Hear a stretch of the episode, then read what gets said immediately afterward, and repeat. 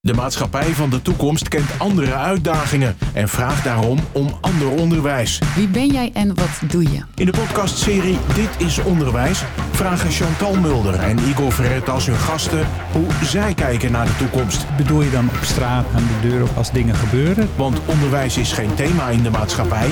Onderwijs is de maatschappij. Welkom allemaal bij een nieuwe aflevering van de podcast Dit is Onderwijs. Wij hebben vandaag eh, Joop in de studio en als altijd stellen we eerst de vraag... Joop, wie ben jij en wat doe je? Ja, eh, hallo, ik ben Joop Duivenvoorde. Eh, ik werk op de ALO van de Hogeschool Windersheim. Dat is de Academie voor Lichamelijke Opvoeding. ik geef daar theorievakken over bewegen en ik doe daar onderzoek naar het leren bewegen. En dan vooral over het leren zelfreguleren bij bewegen. Tof hoor. Ja, en dat onderzoek doe je ook met name op scholen, als ik je goed heb begrepen. Ja, dat klopt ja. ja. En Zo, ik was gisteren nog in de gymzaal samen met een collega om daar uh, onderzoek te doen naar een wenssprong. Oh, leuk. Oh, interessant. Daar weet ik bijvoorbeeld al niks van. Dus we gaan dingen leren vandaag. Dat kan niet dat, anders. Dat straks vraag 1. Wat is een wenssprong? En wil je hem voordoen? Dat ook. En dan uh, zorgen wij dat er filmpjes online komen van dit hele verhaal. Heel goed.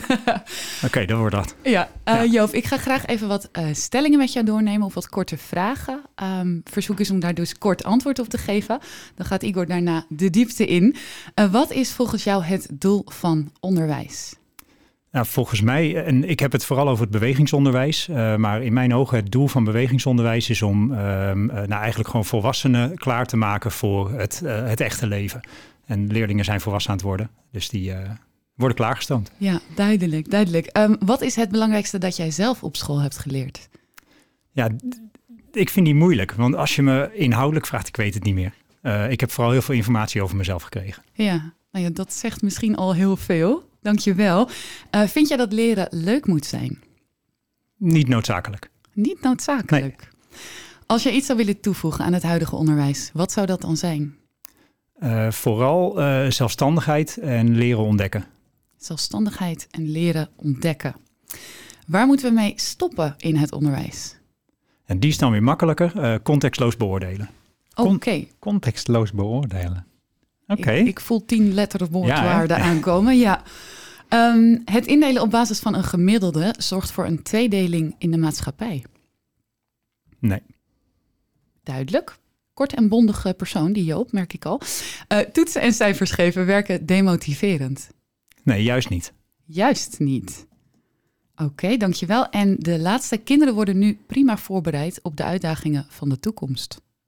Nou, dat kan altijd beter, maar ik heb het idee dat dat uh, zeker in het bewegingsonderwijs behoorlijk goed gaat. Tof, dankjewel. Wat is een wenssprong, Joop? Mooi hè? Nou, uh, ik praat daar heel zelfverzekerd over, maar voor mij is die ook zeker twintig jaar geleden. Uh, ik heb het gisteren voor elkaar gekregen om geen voorbeeldje te hoeven springen. En ik hoopte dat vandaag zo te houden. Um, je hebt een kast met een trampoline ervoor, zo'n zo'n gymkast. Ja, ja, en daar zet je je handen zijwaarts op en dan moet je zorgen dat je lijf over je handen heen gaat. met uiteraard een dikke vangmat erachter. Een sprong via een trampoline over een kast. Juist, dan dat is precies wat het is. En tegenwoordig noemen ze het freerunning en weet ik wat allemaal. Oh. Maar uh, het is helemaal een hippe sprong, denk ik. Wat, oh, dat deden wij vroeger natuurlijk ook. Maar dat, heet, dat is nu freerunning. Nou ja, als je het wil verkopen wel, ja. Ja, precies. Freerunning is dat je gebouwen en objecten uit uh, de buitenwereld zeg maar pakt... en die gebruikt om overheen te klauteren en te springen. Klopt, ja. ja. ja. ja. En dat kun je uiteraard bij gym ontzettend goed ook doen. Precies. En, en nou doe jij onderzoek naar zelfregulering bij bewegingsonderwijs, zeg ik dat goed? Dat klopt. En, ja. en waarom moet dat? Laat kinderen lekker rennen. Waarom moet er zo'n onderzoeker van, van Winden zijn bij? Ja, um, kijk, mijn stellige overtuiging voor zelfregulatie is dat dat een, um, een, een vaardigheid is die leerlingen verder gaat helpen. Niet alleen bij hun bewegen, maar ook in hun hele leven. Um, en op het moment dat je leerlingen vraagt om zelf keuzes te maken over wat ze moeten leren, wat er um, uh, überhaupt te leren is, maar ook over hoe goed zij iets zelf kunnen. Uh, ja, dat is net als bij alle andere vaardigheden, dat moet je leren. Um, dat kun je leren in allerlei contexten. Uh, de context van bewegingsonderwijs is daar ontzettend goed voor geschikt, omdat heel veel leerlingen gemotiveerd zijn om daar te leren. En nou ja, goed, het, is een, het is een vak wat ze leuk vinden. Ja. En, en, en wat, wat is dan die zelfregulatie? Want, want hebben kinderen dat niet van nature? Moeten ze dat echt ontwikkelen? Want zelfregelen, wat is de, hoe, hoe zou je het heel makkelijk zeggen? Wat is zelfregulatie? Uh, hoe zie je dat in een, in een gymzaal? Eigenlijk in een, in een ander woord is het eigenaarschap. Um, en een leerling die zelf reguleert, die, die is in staat om uh, een doel voor ogen te hebben en daar naartoe te oefenen. En dat is, staat bijna haaks op wat er heel veel in het onderwijs nog steeds gebeurt. Is dat de meester of de juf jou het doel vertelt. Oh en dat je gaat oefenen naar wat meester of juf voor jou houdt. En ja, goed, zo werkt de echte wereld ook niet. Als jij na school iets wil leren, moet je het ook zelf regelen. Ja, dus een onderdeel van zelfregulatie is volgens, volgens jou, hè, vanuit het perspectief waar jij daarnaar kijkt, ook dat leerlingen zelf hun eigen leerdoelen kunnen bepalen en die kunnen nastreven. Juist, ja. ja en dat dus bijvoorbeeld een windsprong maken. Nou, dit is, ja, of, is dat iets typisch wat een leerkracht doet? Ik wil het even snappen. Ja, precies. Dus uh, bij gym wordt heel vaak de activiteit wordt gewoon voorgeschreven. We gaan vandaag de wenssprong doen. Hebben wij bij ons onderzoek ook gedaan. Um, en daar vertellen we gewoon, hè, als een leerling zegt ik ga liever voetballen, dat is heel zelfregulerend, maar dat mag dan even niet. um, uh, het gaat er echt om dat binnen het oefenen van die activiteit wij onderzoek doen naar hoe zelfregulatie nou werkt. Uh, om vervolgens meer te kunnen zeggen over die skill meer in het algemeen. en misschien ook die leerlingen die ruimte wat te geven. Ja, dus wel eigenlijk zelf kunnen kiezen binnen kaders? In mijn onderzoek wel, want anders is het, eh, wordt het echt een puinhoop, dat onderzoek. Ja. Uh, maar die skill zelf, die is veel breder. Dus ja. uh, dat gaat niet eens per se over bewegingsonderwijs. Het gaat erover als jij als burger, als kind of als volwassene um, uh, iets gaat leren, in mijn geval iets bewegends, dan kies je ervoor om, als je wilt tennissen, dan ga je naar een tennisclub. Dan kies je ervoor of je wel of geen tennislessen wil nemen. en vervolgens gaat die tennisleraar jou staan vertellen, je moet nu dit, je moet nu dat, je moet nu dat. Nou, daar stopt dan zelfregulatie alweer. Ja. Uh, dus ik zou ervoor willen pleiten om ook dat stuk um, uh, aan de leerling zelf over te laten. Ja, mooi. Maar dat, dat vraagt natuurlijk wel iets van de tennisleraar in dit voorbeeld. Ja. Uh, want die kan niet voortborduren op wat hij gewend is. Nee. Maar hij zal een ander soort houding aan moeten nemen als ja, leraar kan je dan nog wel een leraar noemen? Ja, zeer zeker wel. Uh, dus de, de, die vraag die is heel vaak de eerste vraag die ik ook krijg als ik bij een school kom. Uh, uh, kan dan de leraar koffie gaan halen en voor de rest laten wat het is? Ja. absoluut niet. Dus um, die leraar die krijgt wel een andere rol. Die krijgt een ondersteunende rol. En een metafoor die heel veel in literatuur ook langskomt is... als jij een plant wil laten groeien, kan je er niet aan trekken. Maar die plant heeft wel water nodig en voeding. En, uh, dus uh, nou ja, deze metafoor die is, volgens mij mooi om ook hier te delen. Uh, je ondersteunt het leren.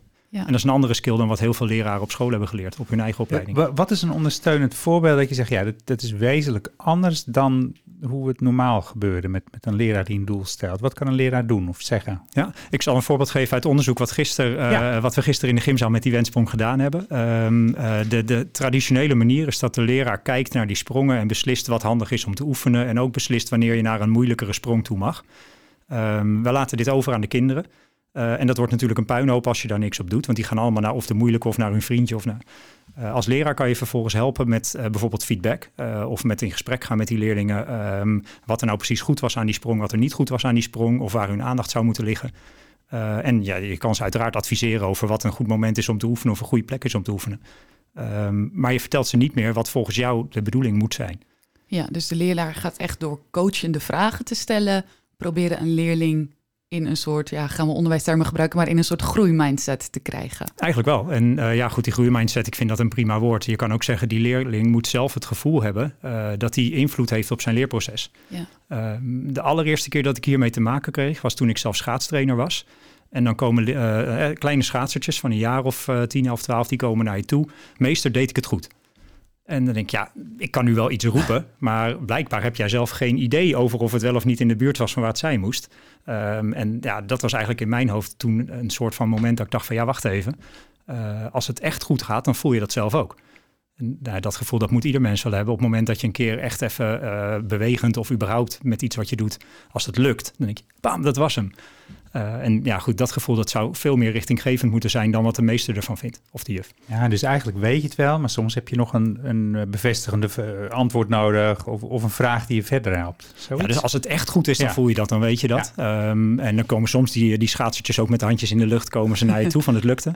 Maar het gaat juist meer om uh, als het wat subtieler is. Uh, soms lukt het niet. Maar ja, lukt het dan allemaal niet? Of waren er ook deeltjes die wel goed gingen? Of had je misschien de focus er helemaal niet bij? En daar heb je ook je leraar voor om uh, wel even eerlijker te zijn naar ja, wat lukte er nou wel en wat lukte er niet. Ja, precies. Ja, het is een soort omwenteling in leren. Chantal, je werkt op VO-school uh, in Alkmaar. Herken je dit soort omwentelingen in leren? Meer, meer of, doelen vanuit de leerlingen? Hoe, gaat dat? Ja, ja nou, ik, ik, herken inderdaad heel veel dingen van wat je zegt. Um, daarom ben ik er ook zo nieuwsgierig naar. Um, ik noemde net al het woord groeimindset. Hè. Ik weet niet of iedereen die dit hoort dat begrip begrijpt. Dus ik zal hem een klein beetje toelichten. Uh, groeimindset gaat ervan uit dat uh, elk mens een uh, bepaald groeipotentieel heeft. En als je te weinig uitdaging of als je te veel uitdaging hebt, dan blokkeer je eigenlijk om dat je dan te weinig geïnspireerd wordt of dus gewoon te moeilijke stof krijgt. Met die plant te veel water of te veel zonlicht of te weinig water. Een beetje, beetje goed zo. Goed voorbeeld, ja, goed vergelijk. Ja. Um, nou ja, en de groeimindset en het stimuleren van leerlingen om zelf te kijken naar... maak je een groei door in plaats van haal je nu al een acht of uh, je bent goed of fout. Uh, maak je een groei door is een veel, um, hopen wij tenminste, veel langer termijn effect op de groei van een leerling als mens in het algemeen. Ja. Dat herken ik in jouw verhaal heel erg. Nou, dan gaat het er dus inderdaad niet meer om wat een leerling kan presteren, uh, maar meer of die daar eigenaar van is en of die uh, ideeën heeft over wat er inderdaad nog meer te halen is. Um, nou goed, dat idee dat kan ook zijn dat je vindt, uh, het is wel genoeg hier. Um, maar goed, als het om leren gaat, dan vind ik dat de leerling moet leren om ook eigenaar te zijn. Mede-eigenaar of wat dan ook. En hoe verhoudt zich dat dan? Joop, jij zegt uh, toetsen en cijfers geven werkt demotiverend. Dat was de stelling van Chantal. En jij zegt, nee, juist niet. Nee, inderdaad. Uh, en, ik, en die is van buitenaf. Uh, nou, ik, ik ben nu weer met mijn bol in het bewegingsonderwijs. Ja, en ik ja. weet dat een van de um, uh, drijfveren om te bewegen... is volgens mij gewoon ook gewoon dat je af en toe beoordeeld wordt. Ja. En op het moment dat je, nou ja, als er een soort van uitdaging voor je ligt... en jij wil die uitdaging gaan halen... dan, dan denk ik dat dat heel motiverend kan werken. Uh, deze hangt samen met mijn stellige antwoord op uh, dat contextloos toetsen. Uh, als de norm van waar jij aan moet voldoen, als dat de norm van de leraar is, dat is niet motiverend. Maar als die norm iets is wat jij zelf ook wil bereiken, je hebt je vastgebeten in die wenssprong, jij wil gestrekt over die kast gaan en op enig moment lukt het je ook en je krijgt daar een 10 voor. Nou, motiverender kan bijna niet. En waarom moet nog iemand een 10 geven als je zojuist zei van, ja, je weet eigenlijk zelf wel of het goed ging of niet? Ja, ja dat, is, dat is een hele boeiende. Um, en ik denk dat dat ook met ons schoolsysteem te maken heeft. Uh, beoordelen is daar onderdeel van. En ik denk ook dat dat uh, onderdeel ervan zou moeten zijn. Um, maar wat, wat, doet beoordelen dan met die zelf, uh, ja, zelfregulatie, met het eigenaarschap? Het ligt er heel sterk aan wat je beoordeelt. Uh, dus zo gauw als jij uh, recht doet aan bijvoorbeeld de mate waarin iemand eigenaar kan zijn, of de mate waarin hij zijn doelen nastreeft en dat uh, organiseert, dan zou ik dat ook meewegen in de beoordeling. Ja, dus dat vraagt misschien ook wel om het niet standaardiseren van toetsen of beoordelingen, maar het personaliseren daarvan. Ja, en wat bedoel je met standaardiseren en personaliseren, Chantal? Um, nou, het is voor mij wat moeilijker om een, om een gym of LO vergelijk te maken, maar stel... Jij geeft beeldende vorming. Ik geef beeldende vorming en ik kan tegen uh, mijn hele klas zeggen... jullie moeten nu, uh, weet ik veel, dit stil leven uh, realistisch gaan naschilderen. En dan categoriseer ik de hele groep leerlingen... en sommigen krijgen een 8, sommigen een 6 en sommigen een 4. Dat is een, hè, dan gebruik ik, beoordeel ik alle leerlingen op dezelfde manier... en ik vraag hetzelfde van ze. Ja. Maar in mijn kunstonderwijs zeg ik eerder tegen leerlingen... we hebben een bijvoorbeeld een thema waar we mee aan het werk gaan. Uh, jij bepaalt zelf afhankelijk van hè, je leeftijd en je ervaring um, met welk materiaal je gaat werken of wat voor invulling je geeft aan dat thema. En dan uh, kan de een een acht krijgen omdat hij uh, voor zichzelf een enorme groei door heeft gemaakt. En de ander krijgt voor een vergelijkbaar kwalitatief werkstuk maar een zes, omdat hij zichzelf niet verder heeft gebracht. Ja, um, ik denk dat daarin LO en, en kunst behoorlijk hetzelfde is. LO is? Sorry, lichamelijke opvoeding uh, ja, of okay. gym. Um, uh, omdat er, uh, nou ik denk dat jullie nog wel eindexamen kunnen doen, ook met bepaalde normen. Ja, klopt. En, um, kijk, op het moment dat je gewoon die wenssprong wil beoordelen, of je wil het schilderijtje wat je ziet beoordelen, dan heb je daar criteria voor en dan kan je iemand op scoren. ik zou zeggen, neem het ruimer, kijk ook naar het proces. Uh, heeft iemand bepaalde technieken willen leren of heeft iemand uh, geprobeerd om uh, natuurgetrouw te werken? nou ja, ik weet niet wat precies allemaal de, de opties bij jou ja, zijn. Ja. Bij mij zou het ook gaan om, um, heeft iemand gewerkt aan zijn eigen motivatie? Is hij bezig geweest om gemotiveerd te blijven en misschien wel om anderen te helpen of om de juiste vragen aan de do docent te stellen? En op het moment dat je dat proces ook mee weet te beoordelen, uh, dan denk ik dat een beoordeling uh, recht doet aan ook het gevoel van de leerling. Ja, dus je toetst niet alleen technische vaardigheden, kan ik die wenssprong uiteindelijk op die en die manier maken. Maar ook, nou ja, wat je zegt, heb ik bepaalde andere vaardigheden bijgeleerd, heb ik een proces doorlopen, heb ik erin een groei doorgemaakt. Het, het is breder. Ja, ja. ja ik, ik, denk dat het een stuk breder is. En, en waarom, je zegt leren hoeft niet per se uh, leuk te zijn. Als ik denk aan bewegingsonderwijs, nou dat is meestal een lievelingsvak hè, van leerlingen. Waarom mogen ze niet lekker daar uh, vrij bewegen, doen wat ze willen, leren wat ze willen? Uh, waarom moet er een beoordeling in zitten?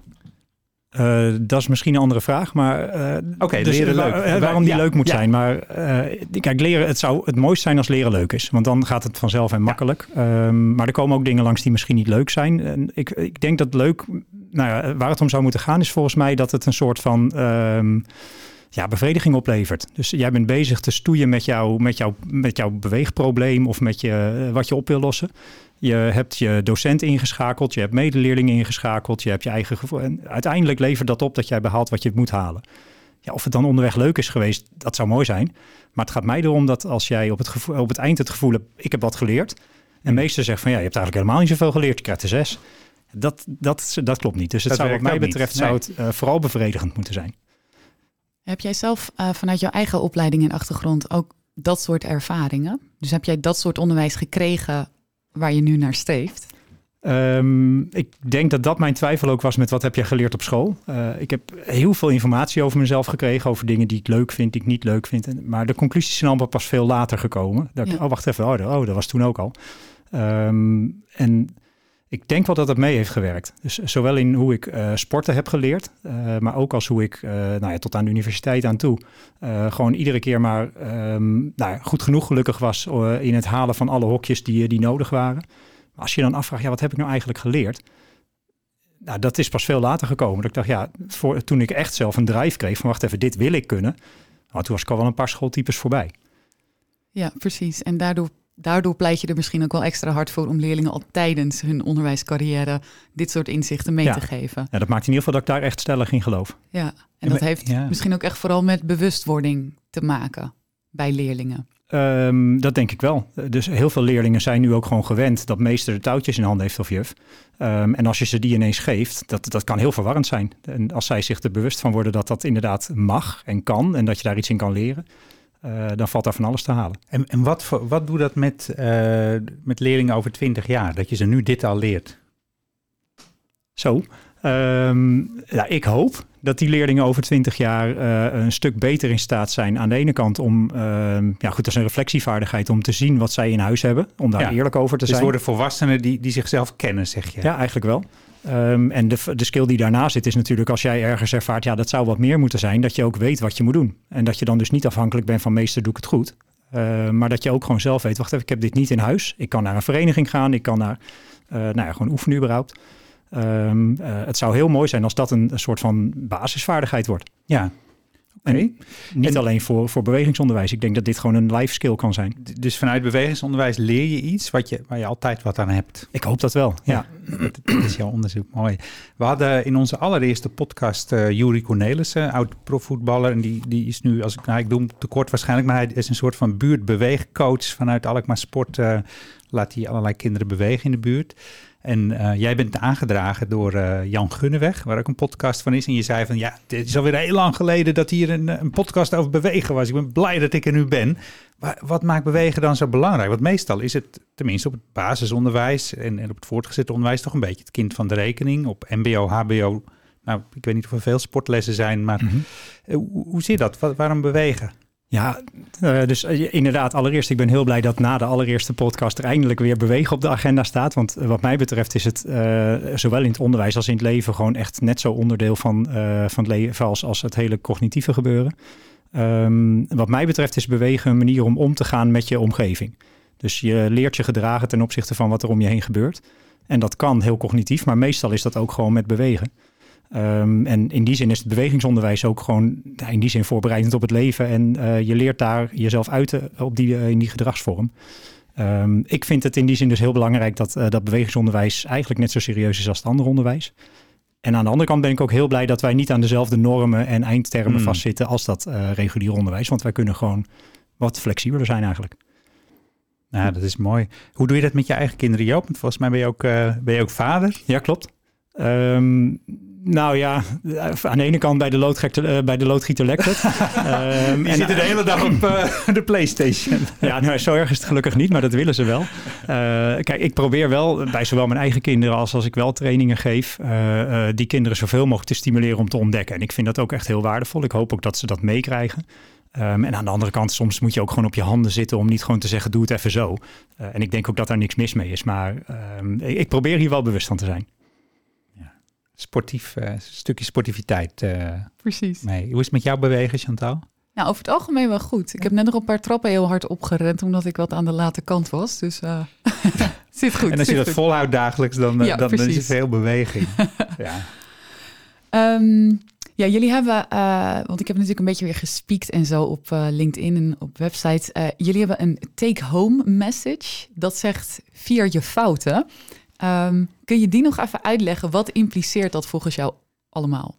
Ja, eh, wat fijn dat je daarover begint. Um, uh, ik ben heel erg sterk gaan geloven in die, uh, in die message. eerst was het echt gewoon vooral een mooie zin. Uh, maar door fouten te maken, gun je jezelf ook de mogelijkheid om dingen te proberen. Dus als het gaat om ontdekken en ervaren wat er kan gebeuren, dan zou ik zeggen, iedere keer als jij een foutje maakt, gebeurt er iets wat je niet gepland had en waar je dus nog wat kan leren. Um, je kan zelf je fouten vieren, maar ik vind dus dat al jouw leraren ook jouw fouten zouden moeten vieren in plaats van zouden moeten nou ja, bij proberen te sturen. Ja. Feedback gaat heel vaak over wat er nog niet goed gaat. En daarmee vertel je eigenlijk ook dat dat dus nog beter moet.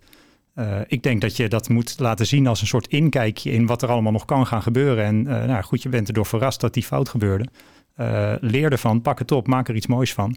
Maar in ieder geval probeer het niet bij te sturen of weg te poetsen. Ja, dus ergens vraagt misschien het huidige examineren van leerlingen ook wel hoeveel fouten ze kunnen aantonen te hebben gemaakt in hun onderwijscarrière omdat ze daardoor groei misschien hebben. En om dan met een vier met je handjes in de lucht de zaal uit te lopen. ik weet niet of dat de bedoeling is. Maar uh, nou ja, het zou inderdaad meer een soort tussenmeting moeten zijn dan een afrekening. Ja, precies. Ja, ja waarin je, waarna je ook weer wat leert. Want alleen een, een briefje, een proefwerk terug met een uh, vier erop. En we gaan het volgende hoofdstuk doen. Ja, het is zonde als het daar stopt. Dus ja. als je zegt dit was een vier en we gaan nu wat anders doen. Uh, dan zou ik zeggen het was een vier. En wat zegt dat ons? Wat moeten we nu? Waar kunnen we op verder?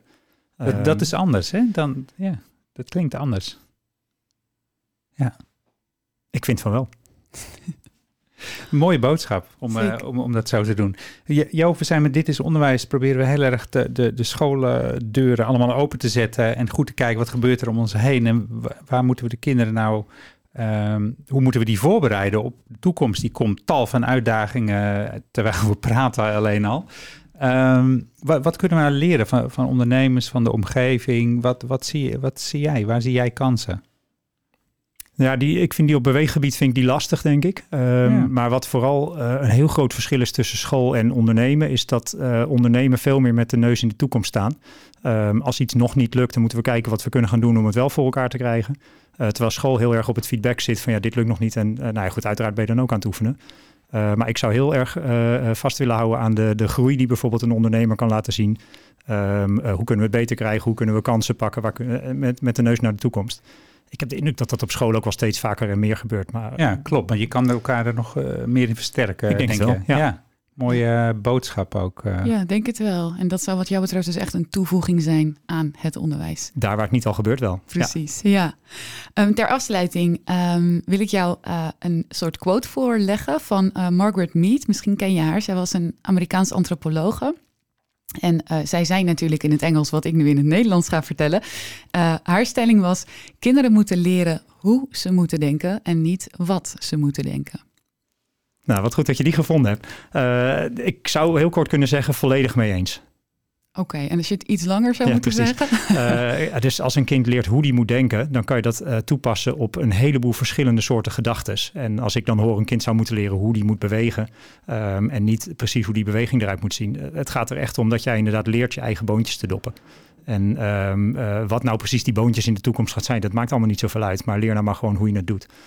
In plaats van hoe dat er precies uit zou moeten zien of hoe je gedachten precies zouden moeten zijn. Ja. ja, wat je dan doet. Ja, die skills kun je overal gaan toepassen. Dat is wel, uh, ja, denk het wel. Ja. Dankjewel Joop. Mooi, ja, heel erg bedankt. Ja, nou leuk. Dit was weer een aflevering van Dit is Onderwijs. Wil je meer weten? Kijk dan op de website ditisonderwijs.nl. Dit was Dit is Onderwijs. Een podcast waarin we proberen een verbinding te maken tussen het onderwijs en de wereld van morgen. En die van de dag daarna. Dit is Onderwijs is een samenwerking tussen SAX en Streekstad Centraal.